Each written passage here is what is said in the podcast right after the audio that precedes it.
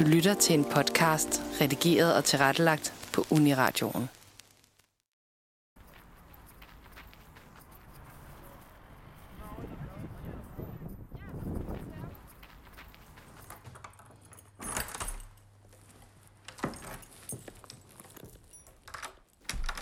Så er jeg hjemme igen efter dagens gåtur. Noget, der for både mig selv og mange andre er blevet lidt pusterum her i al Zoom-undervisningen. Og så en undskyldning for at drikke lidt for dyr kaffe med en ven eller veninde under armen, mens vi iførte vores balaklava og dunjakke følger de ensrettede pile rundt om søerne i København. Kvinden bag gåbogen, Bente Klarlund Pedersen, som er professor på Københavns Universitet, overlæge og leder af Trykfonden Center for Aktiv Sundhed på Rigshospitalet. Hun har lovet at gøre mig lidt klogere på det hele, så hende skal jeg ringe til om lidt. Men først må jeg hellere sige, at det her det er andet afsnit af Smittekæden, en reportageserie fra Uniradion, der kigger nærmere på nogle af de trends, der hersker her nu ude i det danske land. Eller i hvert fald bare her i København.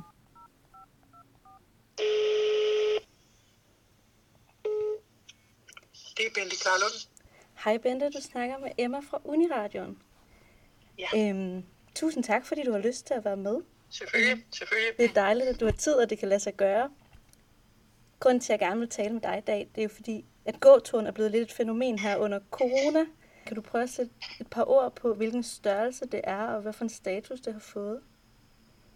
Da jeg skrev gåbogen for et øh, par år siden, der var der måske ikke så meget fokus på det at gå, men jeg skrev mig ind i en, en trend, som der så er kommet ekstra strøm til her i, i coronatiden.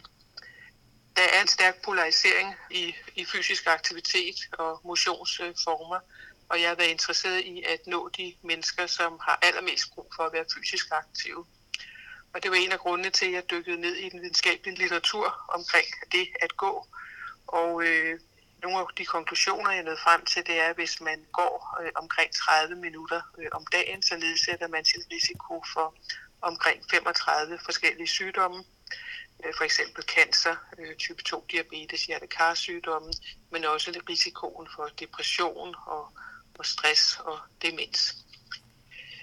Så det at gå kan rigtig mange ting, når vi taler om vores fysiske og mentale helbred. En af de ting, der sådan er meget fokus på, synes jeg i hvert fald, er det her med, at man skal op på de 10.000 skridt, og det er slet ikke noget, du nævner, når du fortæller, hvorfor det er godt at gå. Ved du, hvor de kommer fra, de 10.000 skridt?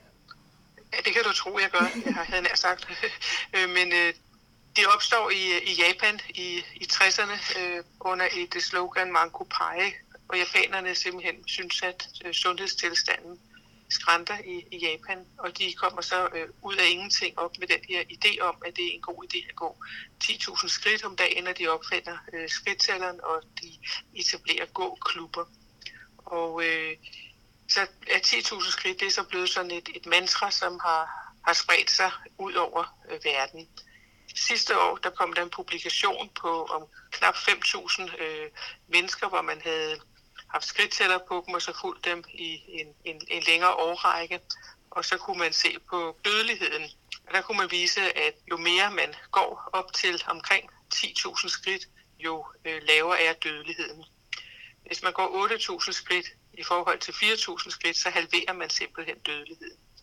Og kurven den flader sådan ud omkring de der 10-12.000 skridt, så man kan sige, at selvom man ikke havde den videnskab for, hvor mange skridt der var atroværdige for sundheden, øh, så har kampagnen med de 10.000 skridt været spot on. Passer det godt med øh, de andre tendenser, vi ser i Danmark? Altså, fordi det er virkelig blevet en ting, man sådan siger, Nå, nu er jeg nået de 10.000 skridt i dag, så kan jeg godt slappe af.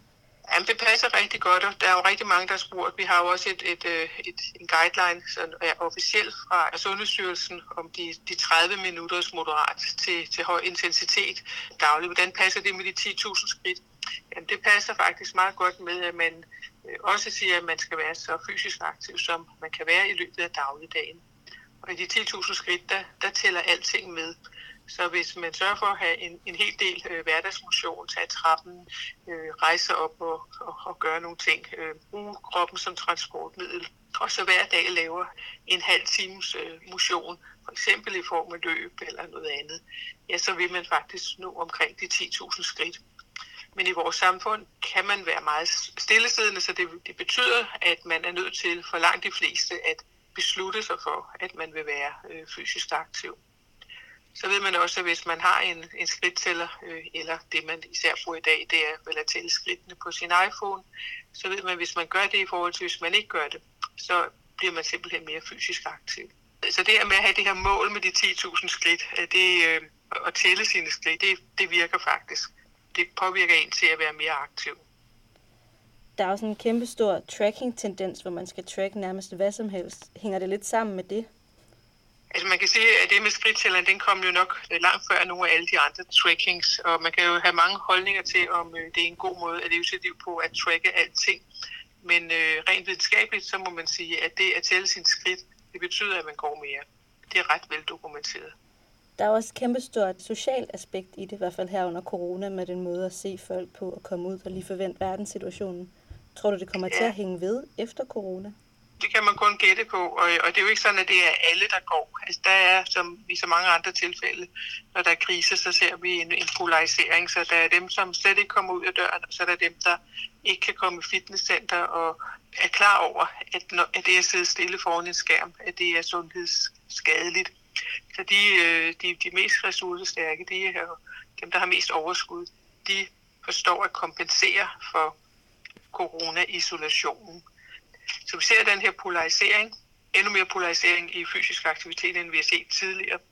Og man kan jo kun gisne om, hvad der vil ske, når folk de måske får mere travlt, øh, og når fitnesscentrene åbner, så er det jo ikke sikkert, at det hænger ved det med at gå. Det ved jeg ikke. Det kan være, at øh, folk har fået øjnene op for, at der er sådan et eksistentielt lag i det at gå, at man mås- og måske oplever, at man tænker bedre, og Øh, man får den her afstressende effekt, som man især får, hvis man går i naturen. Men øh, det vil jo være gætteri at sige, om det vil fortsætte eller ej. Jeg tror, det vil fortsætte for nogen. Er det noget, du selv prioriterer, de 10.000 skridt? Jeg, jeg, er meget, jeg er meget tidspresset, øh, så jeg løber øh, i hvert fald halvdelen af mine 10.000 skridt hver dag. Men jeg prøver faktisk på at komme op på de 10.000 skridt, og det lykkes som, øh, som hovedregel i i, i weekenden, hvor jeg også har mulighed for at tilbagelægge længere strækninger i, i naturen. Så man kan faktisk godt samle lidt ekstra skridt op til weekenden, og så klare de fleste der. Vil det stadig have en effekt?